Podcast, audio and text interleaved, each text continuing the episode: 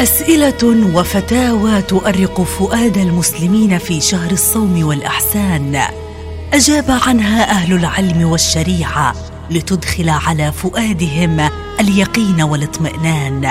وبين الجواز والنهي والمكروه والمستحب سنقدم لكم قطوفا من الفتاوى الدينية في برنامجكم الرمضاني فتاوى رمضانية مع فضيلة الشيخ ياسين أبو خصوان إذا نزل من المرأة في نهار رمضان نقط دم بسيطة واستمر معها هذا الدم طوال شهر رمضان وهي تصوم فهل صومها صحيح؟ أجاب على هذا السؤال فضيلة الشيخ لؤي الشربجي بالآتي. الحمد لله والصلاة والسلام على رسول الله وبعد. المرأة إذا كانت لها عادة فإنها تفطر في أيام حيضها فقط وتمسك بقية الشهر. والدم النازل منها بعد ذلك استحاضة لا يبطل صيامها وصلاتها. وإذا لم تكن المرأة معتادة وكانت تميز دم الحيض عن غيره فإنها تفطر إذا أقبل الدم وتمسك إذا أدبر. وإذا لم تكن المرأة مميزة ولا معتادة فإنها تأخذ بغالب عادة النساء